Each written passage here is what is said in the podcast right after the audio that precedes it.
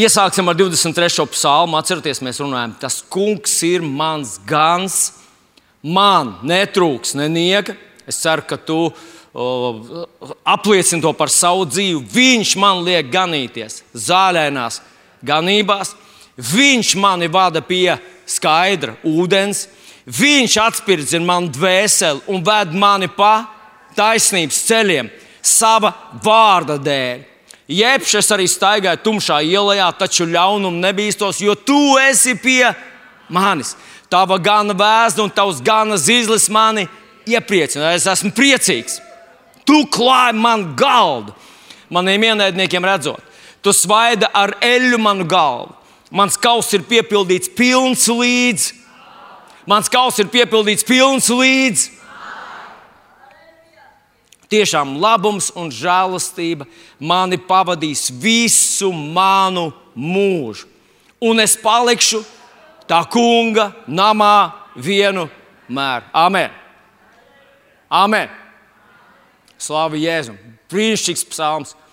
Lai tā ir tava lūkšana, lai tā ir tava perspektīva, tava nākotne, lai tas ir tavs pravietojums, Tas, tas, ko tu naktī pamostoties, uzreiz zini, pateikt, ka tas kungs tev vada, viņam ir zizlis, viņam ir, ir uh, spieķis, viņš, viņš man iepriecina, viņš vada man, viņš klāja man galdu, viņš izvedīs man cauri, viņš ved man uz priekšu. Es neesmu viens, gans vienmēr ir ar mani. Amen! Nu, bet, mīļie draugi, vai mēs varam, mēs, kas lasām Bībeli ar tevi, kas esam dievkalpojumos, ka esam tik daudz dzirdējuši, tik daudz dziesmas esam dziedājuši, slavējuši, viņu pielūguši, tik daudz saņēmuši no Dieva. Vai mēs to varam aizmirst arī? Vai varam aizmirst?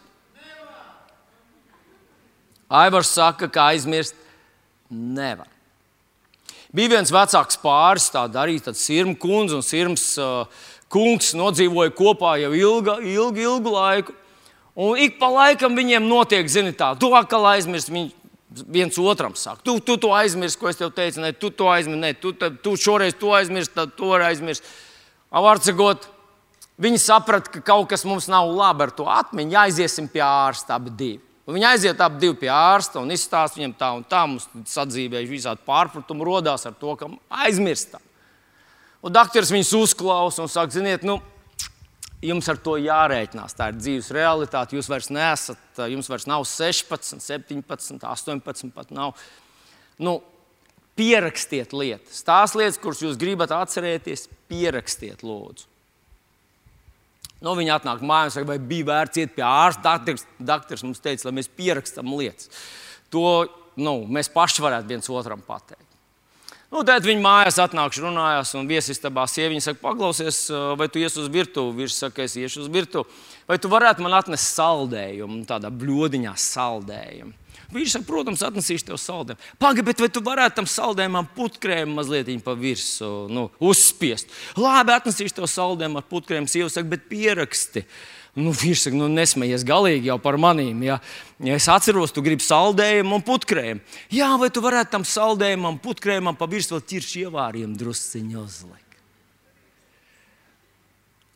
Viņš saka, protams, saldējums, putkrējums un ķiršu ievārījums lūdzu pierakstīt tā, tu sajauksim. Nu, nesmējies, jau, nu, jau tu pavisam par maniem nu, slikti domā. Vīrs aiziet uz virtuvi, un nav viņš 15 minūtes, 20 minūtes, 25 minūtes. Pēc pusstundas viņš atgriežas no virtuves un atnes olu un uh, saceptie šķiņķīši. Jā. Un sieva skatās uz to porciju, skatās viņu, un kur grauzdiņi?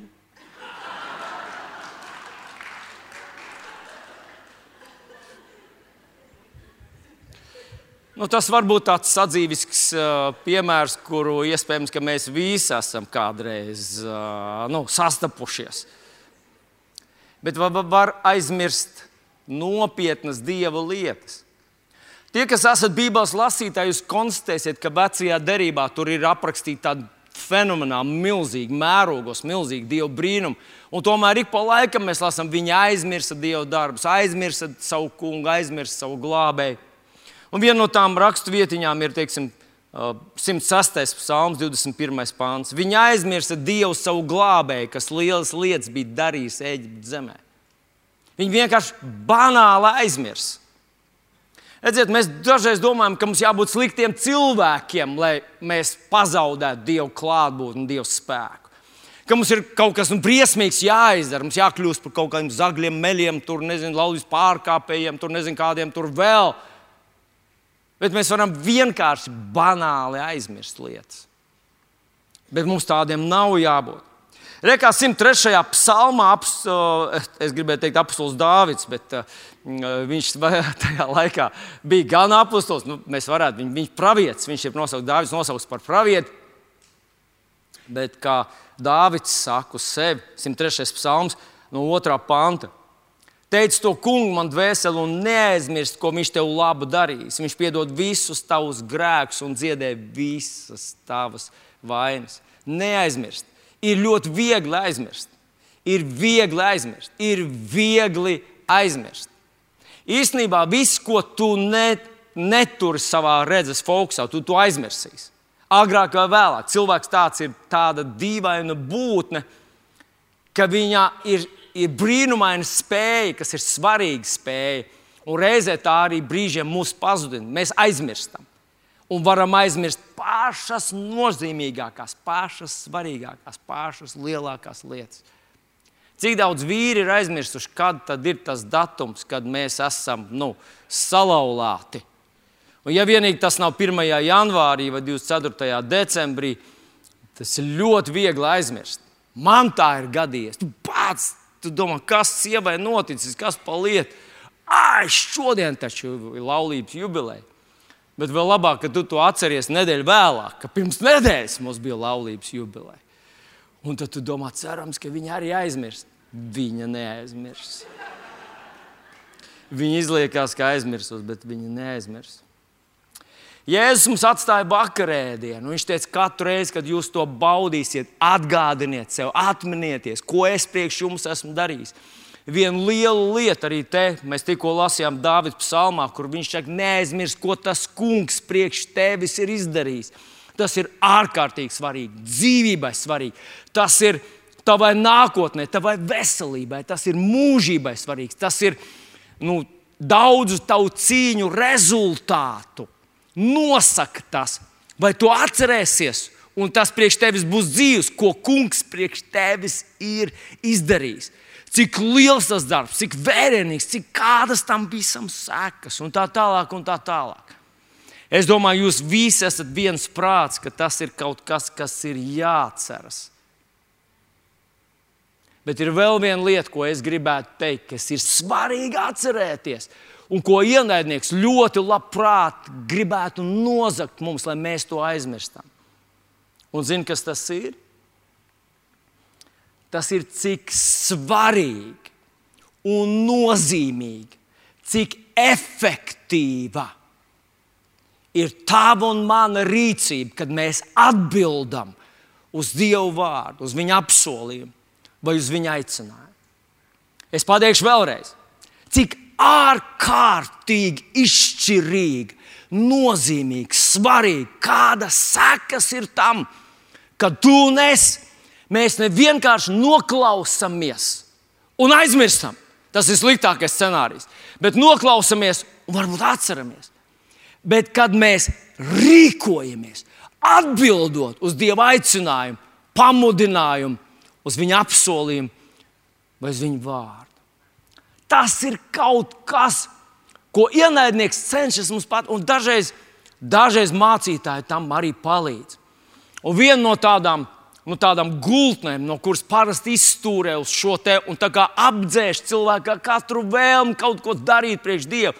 Tā ir tāda superžēlastības teoloģija. Ka Dievs visu ir izdarījis, ka Dievs visu ir samaksājis, Viņš ir visu nokārtojis.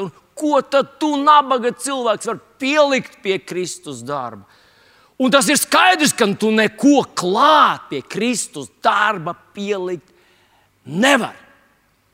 Un dažreiz no tā cilvēka izdara tādu secinājumu, ka nu, ko tad es nabaks, grēcīgs, nepilnīgs, miesas un asins var pielīgt pie tā, ko Dieva dēls ir izdarījis manā labā. Respektīvi, ja es neko nevaru izdarīt, tad nav arī nekas jādara. Tad vienkārši tā atslābst, jā, nu, atlaidies tādā ērtākā krēslā un vienkārši gaidi.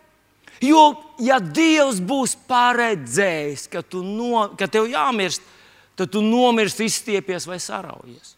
Un, ja Dievs nebūs paredzējis tev mirt, ja Dievs savā suverēnajā gudrībā, savā milzīgajā, neizmērojamā žēlastībā, savā briesmīgajā, piedodiet par nepareizo vārdu, mīlestībā, ir paredzējis, ka man jānodzīvo simtu gadu, jākļūst par miljonāru, skaistu, slavenāko, populārāko, talantīgāko, mm, nemirstīgo.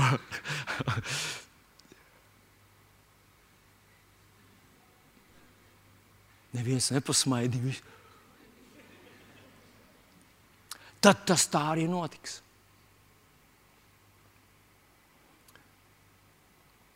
Tā nav patiesība, un Bībelē mēs visu laiku redzam, ka viņš motivē, Bībele motivē mūs.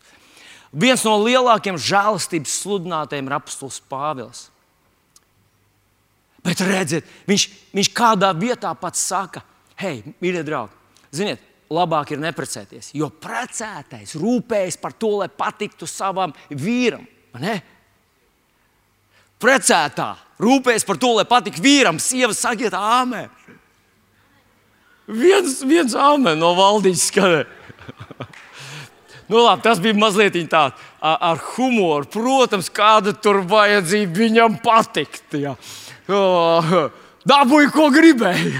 nu, tā ir lai samierinās. Bet Pāvils saka, neprecētais rūpējas par tā kunga lietām. Viņš saka, es esmu vairāk strādājis nekā visi citi. No vienas puses viņš absolūti novērtē Dieva žēlstību. Viņš saka, tas ir kaut kas, bez kā mums nebūtu nekādas izredzes. Bet no otras puses viņš teica, tāpēc, ka esam saņēmuši tādu žēlastību. Mēs gribam to cienīgi uz to reaģēt un atbildēt un kaut ko darīt. Nu, paskatieties, atcerieties, bija tāds stāsts, kur Jēzus saka, ka, ja kas pasniedz praviesim, pravietim glāzi ūdens, tam viņa alga nezudīs. Un īstenībā, iedomājieties, cik viegli būtu vienam cilvēkam, kurš tā izlasa šo pantiņu, saka, o, oh, man jāiedod glāzi ūdens Līgai, Vilnim, Valteram un, un, un Dāvidam. Un iedomājieties, man trīs mācītāji alga. Tas viss, kas man jāizdara. Man nav jāsakrampējas, lai es kaut ko tiešām izdarītu. Bet tajā pašā laikā vārds, ka neviens darbs tā kunga lietās nav veltīgs. Un, manuprāt, viņš te tieši akcentē pretējo domu, ka, hei, dari, atsaucies, ieguldies dieva lietās, tam būs tādas dividendes, kuras neviens, neviens nespēs novērtēt. Šī pati doma, manuprāt, ir uzrakstīta Mateja Evanģelijā 25. nodaļā, kur mēs kādu laiku esam, nu, esam jau dzīvojuši un domājuši par šo, šo ilustrāciju, ko Dieva vārds mums atstāja, Jēzus atstāstītu. Un redz, kad Jēzus kaut ko stāsta, kādu līdzību, viņa, protams, nav viens pret vienu. Nav tikai desmit jaunavi, kas dodas pretī tam kungam bet viņi ir daudz vairāk. Tā, tā, tā ir līdzība. Tomēr tur katra detaļa, manuprāt, atbilst, atbilst realitātei. Ir patiesa. Varbūt mēs uzreiz to neredzam, bet mēs to vienu dienu redzēsim. Ka katrs punktiņš, katrs akcentiņš ir precīzi uzrakstīts. Tieši tā kā nu jānotiek, un tieši tā kā notiks. Un tātad šeit mēs lasām Mateja Evanģelijas 25. nodaļa no 1. pānta. Mēs lasām, tad Dieva valstība būs līdzīga desmit jaunavām. Ievēro, ka viņš nerunā par pasauli. Viņš nerunā par visu pasaules sabiedrību. Viņš runā par Dievu valstību.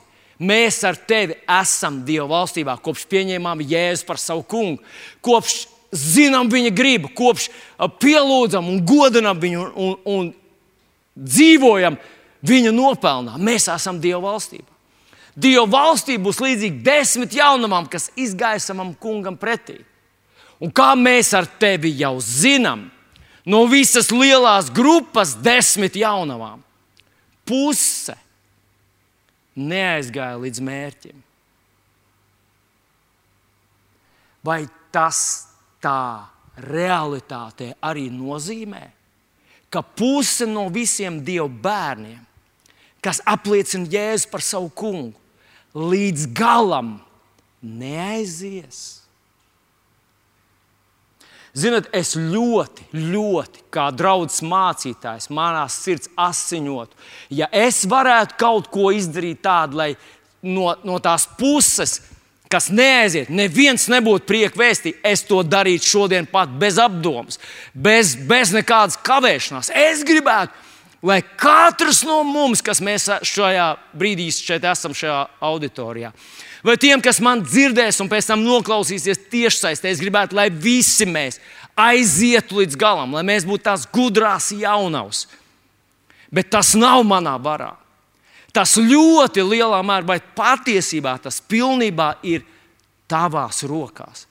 Kas tu esi no tām desmit jaunavām, tajā vienā grupā vai otrā? Bet ievēro kādu interesantu lietu, ka tas, kas noteica, vai tās jaunavas aizies līdz galam, vai viņas paliks tur kaut kur pusceļā un neieies tajā svētku mīlestībā, bija atkarīgs no tā, kas bija viņām, pašām tām jaunavām. Tas bija no viņu pašu lēmumiem, no viņu pašu rīcības atkarīgs. Ar to mīļais mans brālīt un māsiņa, mīļais puisis un meitene, vīrs un sieva Es nezinu, kur tu esi, nezinu, kur tu gulēji šonakt, es nezinu, ko tu ēd brokastīs, es nezinu, kur tu strādā, kā tu gūsi savus ienākumus. Bet vienu gan es zinu, ka Dievs tevi ļoti, ļoti mīl.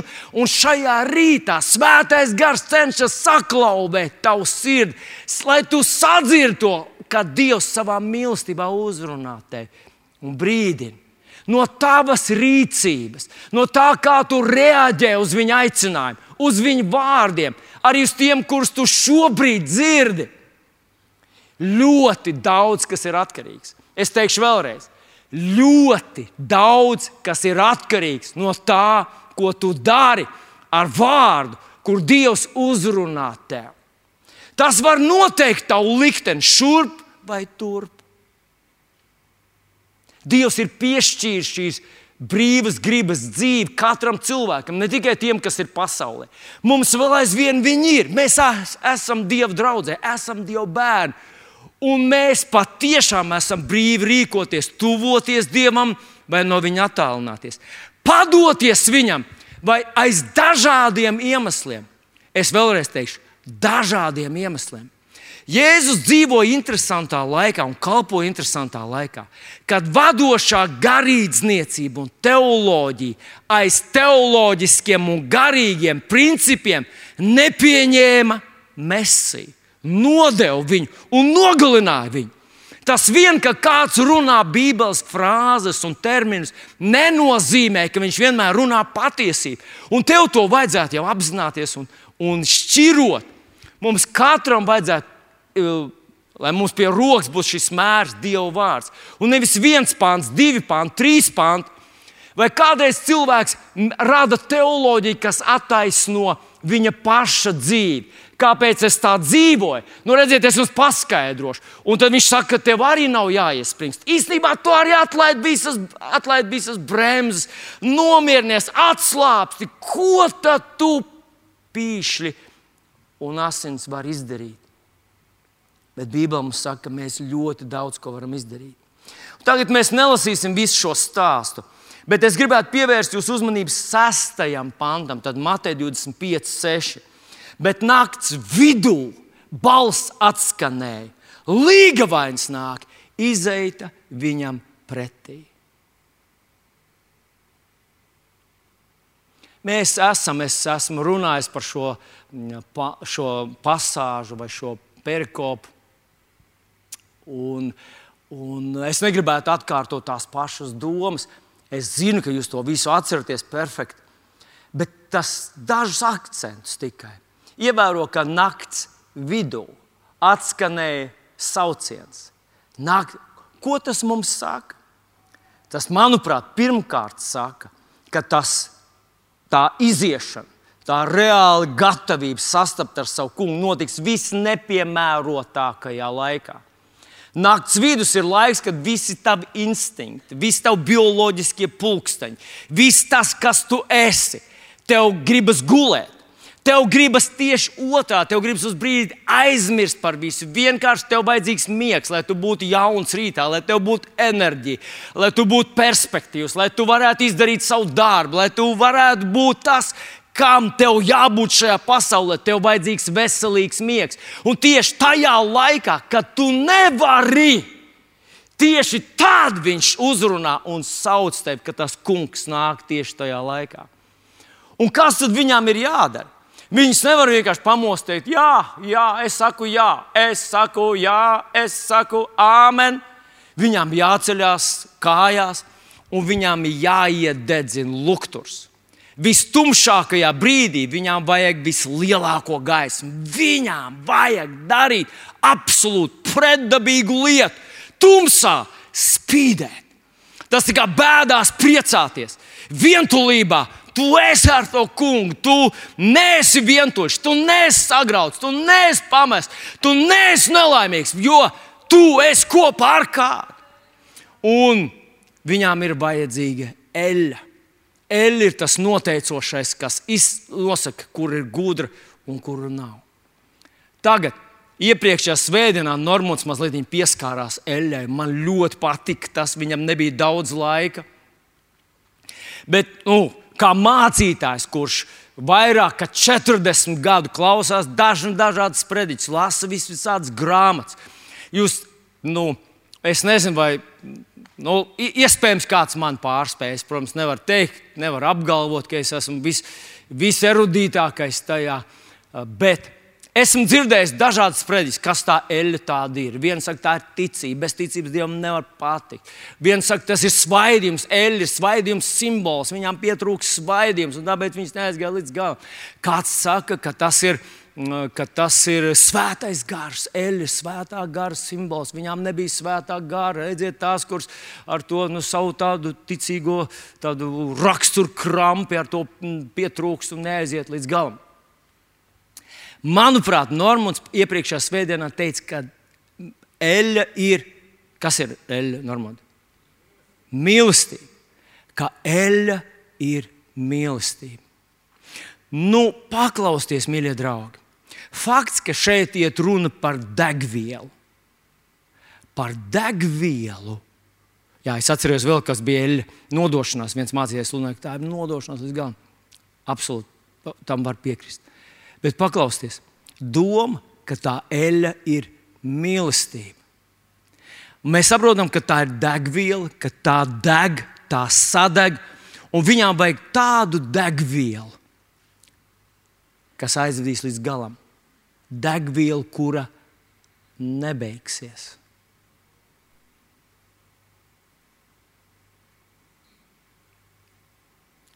Degviela, kura nebeigsies.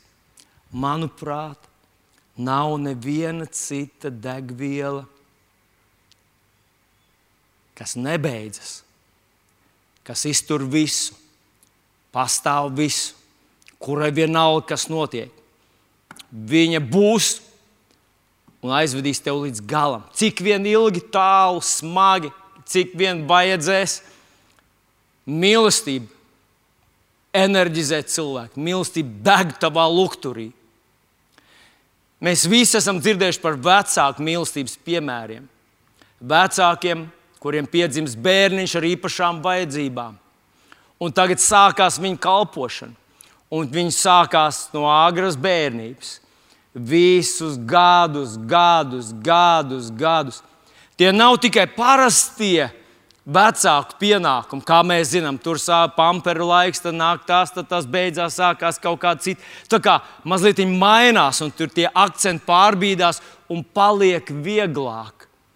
Ir cilvēki, kuriem ar gadiem tikai paliek grūtāk.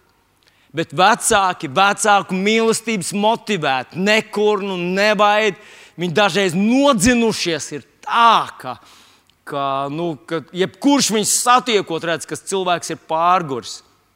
Bet viņi nekur nevaid, nevaino, viņi iet līdz galam. Mēs dažreiz redzam to laulībā, kad divi cilvēki pārvar dažna, dažādas grūtas brīžus un katrā laulībā. Kādreiz mēs tā idealizējam, kad mēs redzam cilvēkus, kas nodzīvojuši līdz zelta kāzām. Mēs idealizējam, ka viņi jau nekad nestrīdējās. Viņi jau, mēs atceramies pēdējo gadu, varbūt viņa dzīvē, kad viņiem bija 95 un 93. Un tad viņa tā, nu, vienīgā problēma, kurš ko ir aizmirsis, bet vairāk viņiem problēma nav. Bet katra gara laulība piedzīvo grūtus brīžus. Un man tiešām ir jāsaka, cik ir rītu, tik ir vakar, cik ir vasaru, tikpat ir arī ziema. Bet cilvēki iztur, paliek viens otram uzticīgi, paliek mīloši, piedodoši, atbalstoši, draugi līdz galam. Tas ir laulāto mīlestības piemērs. Tā ir degviela, kas iet mūža garumā, kas iet cauri, stiprina šos cilvēkus. Bet paklausieties, ko es izlasīju pirmā vēstulītē korintiešiem otrajā nodaļā. Rekā tur uzrakstīt vārdu. Bet tā ir, kā rakstīts, ko acis nav redzējusi, un auss nav dzirdējusi, un kas neviena cilvēka sirdī nav nācis. To Dievs ir sagatavojis kam? tiem, kas viņu mīl. Ko acis nav redzējusi, un auss nav dzirdējusi, un kas nevienam cilvēkam sirdī nav nācis. To Dievs ir sagatavojis tiem, kas viņu mīl. Dievs, es gribu vienkārši svētīt, Dievs, es gribu debesīs, es negribu būt ellē, Dievs, es, es uh, palīdzi man. Jā, tam ir sava vieta.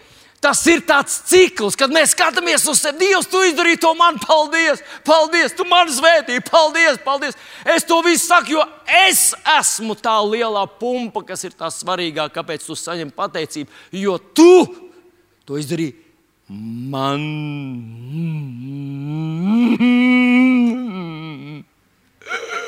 Es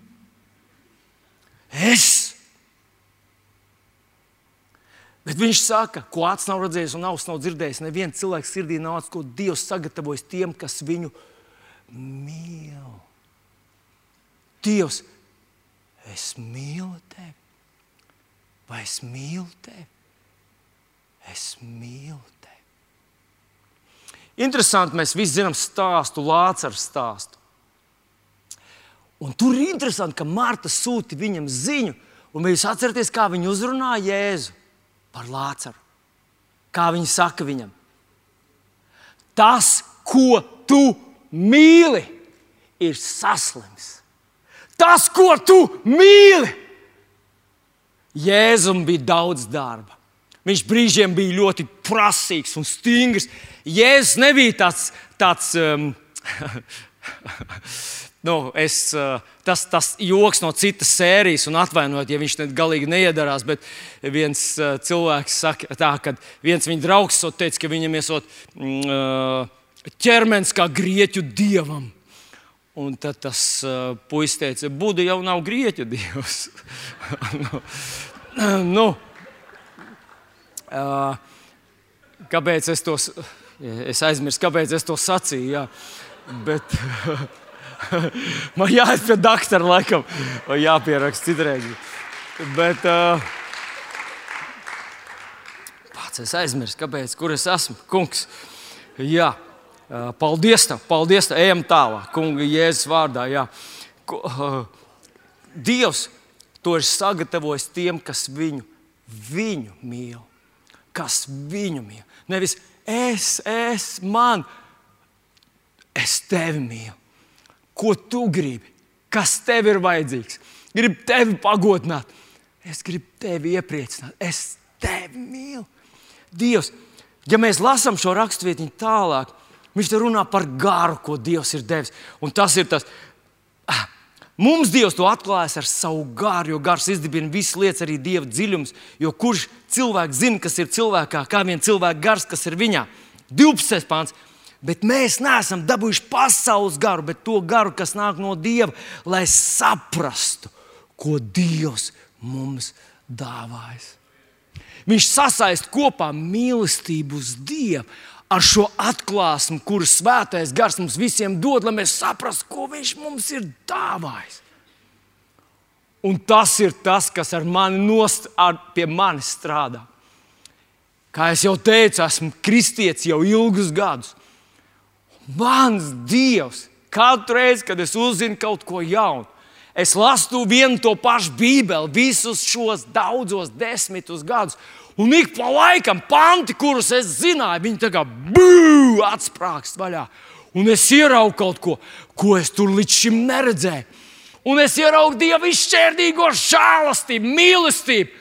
Un, ja bija tāds laiks, kad es domāju, debesis, tas, ko acis nav redzējis, nav, nav dzirdējis, neviens cilvēks sirdī nav nācis, es domāju, tur būs kristāli, ūdens kritumi un ezeri, tur būs kalni, un tur būs zelta ielas, un tur būs um, koki, kuros būs visi tādi augļi, un keksiņi, un, un kūciņas, un, un, un, un viss tur būs.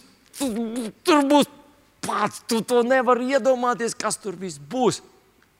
Un man tas mazliet nu, sajūsmināja.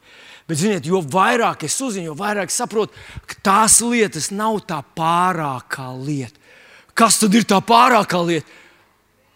Un, ziniet, un man ir ar, ar tādām, ar tādām dievbijām, ar tādu, ziniet, jākonstatē, ka pieiet viņam klāt un ieskatīties viņa vaigā ka tam vajadzētu būt kaut kam tādam, kas cilvēkā rada tik neizmērojamu eifóriju, tik neizmērojamu laimes sajūtu. Un, un kā piemērs man nāk prātā Mozus, kurš uzauga faraona galmā. Neiz, tur bija nu, tas, ko mēs varam iedomāties un nevaram iedomāties. Tas viss tur bija. Tur bija tāda greznība, tur bija tāds vienkārši. Ne, es iedomājos, vakar bija manam mazdēlam gada jubileja, viņam uzdāvināja tādu plasmas motocikliņu, tur maz un tā. Nu, Vārtskot. Nu, nu, un tāds bērnu braucamais, saprotu, uz gadīgam bērnam. Ja? Ķiver nav jāvēl galvā, kad ar to brauc. Saprotat, man pareizi. Kāpēc es to sāku teikt?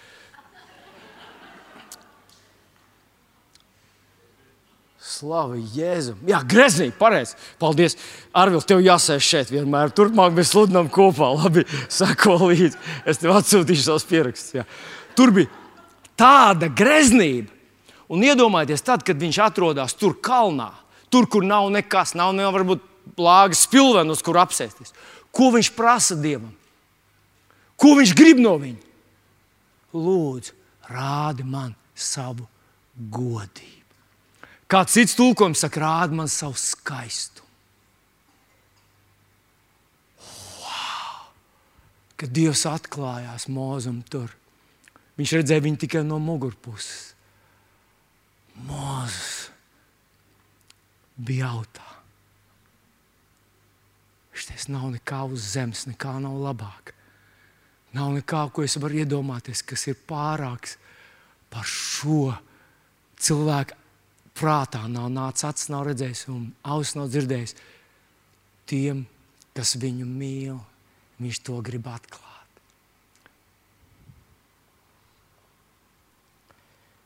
Es nobeidzu ar Jāņa Evanģelī 21. Uh, nodaļu, 16. pantu. 16. pantā Jēzus otro reizi jautā Pēterim: Pēteri, Jāņa dēls, vai tu mani mīli? Nu, Iedomājieties, ka Jēzus ir atnācis šeit, šajā rītā. Vai, nu, jā, Jēzus. Un te nav visu to apkārto cilvēku, kas te sēž kaut kur, kādus tu zini, kādus nepazīsti. Viņš pieiet pie tevis, personīgi pie tevis, paskatās tev acīs un saka, vai tu, tu mani mīli? Tu mani mīli. Tu gribi svētības, palīdzību, tu gribi, nu, lai viss ir labi, lai tur karš neatnāk šī zemē, lai tev bērni uzaug, lai tev nav slimības. Es, es to visu saprotu. Bet man pašu tu mīli.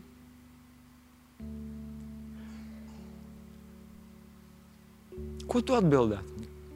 Vai tu varētu teikt, kungs, tev mīl vairāk par savu dzīvību?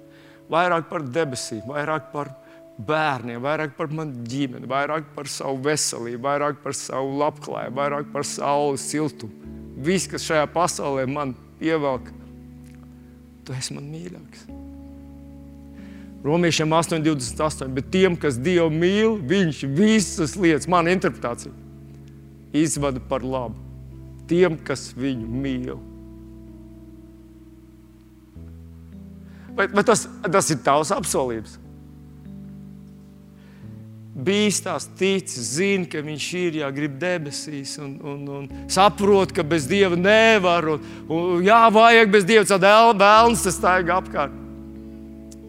Bet tā doma, vai tu mani mīli? O, zini, man, ka, ka es esmu bijis tādās vietās, tās ir tādas vietas, kad tu, kā, kas tev liek justies pazemīgam. Un tas ir kungs man ar šausmām jākonstatē, ka man mīlestība nav ļoti liela.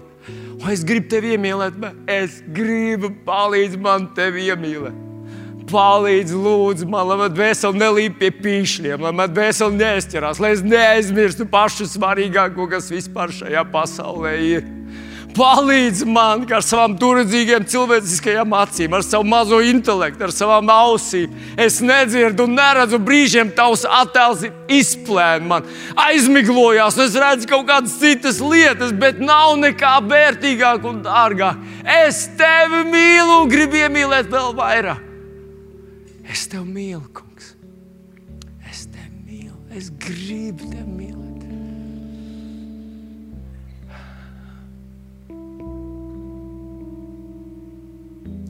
Šodien viņš tev uzdod šo jautājumu. Es tiešām ticu, ka viņš uzdod tev šo jautājumu. Tev tieši personīgi. Un tu nevari aizbildināties, ka tev ir bērni, tev ir ģimene, tev ir darbs, tu tādā strādā intensīvā darbā. Tam visam nav nekādas jēgas. Salīdzinot, es runāju salīdzinot.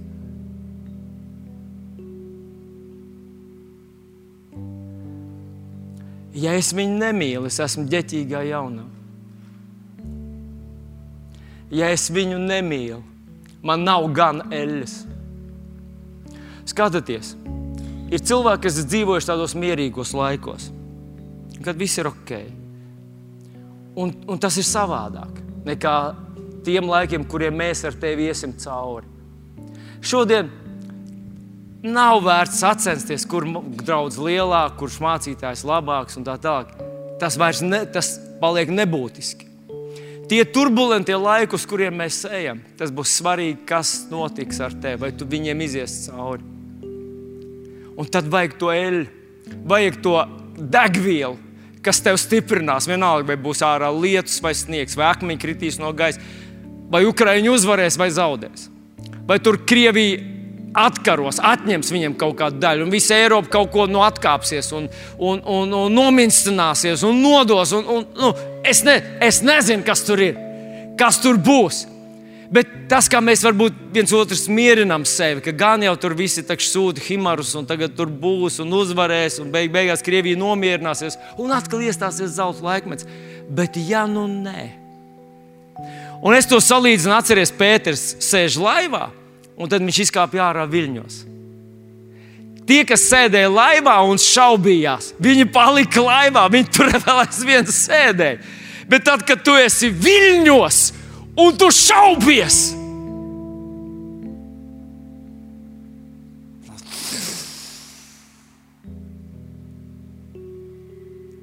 es šajā rītā gribētu izaicināt tevi.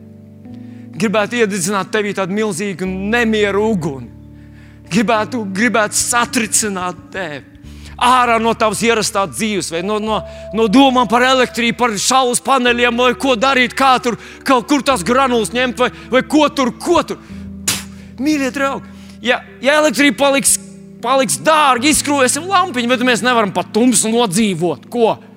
Ūdens būs dārgs, nemazgāsimies. Cik tā kā čukšķi mazgājas vienreiz gadā, nu, aiziet uz Dauga un nomazgājās. Vai mēs nevaram pa īstam pufaikā staigāt, ja, ja siltums būs nenormāli dārgs? Ja veikalā cenas, bet atcerieties tos laikus, kad mēs dzīvojam, ka mums naudas nebija, bet arī veikalā nekā nebija. Izdzīvojām, ko? Atcerieties tos laikus! Nu, nu, kurš mūs biedē? Ziniet, nu, tas tā kā saka, ezi nevar nobiedēt ar pliku dupsi. Nu, mēs jau esam tur bijuši. Ko jūs darat ar mums? Vēlams vienkārši biedē mūs, biedē mūs. Nu, paklausties. Mēs jau esam izgājuši, nu, es, protams, pārspīlēju, sakot, ar Leņķagradas blokādi. Ja? Mēs esam bijuši tādā grūtā, mēs nākam no Eģiptes verdzības. Mēs tiksim galā ar to. Hei, beidziet!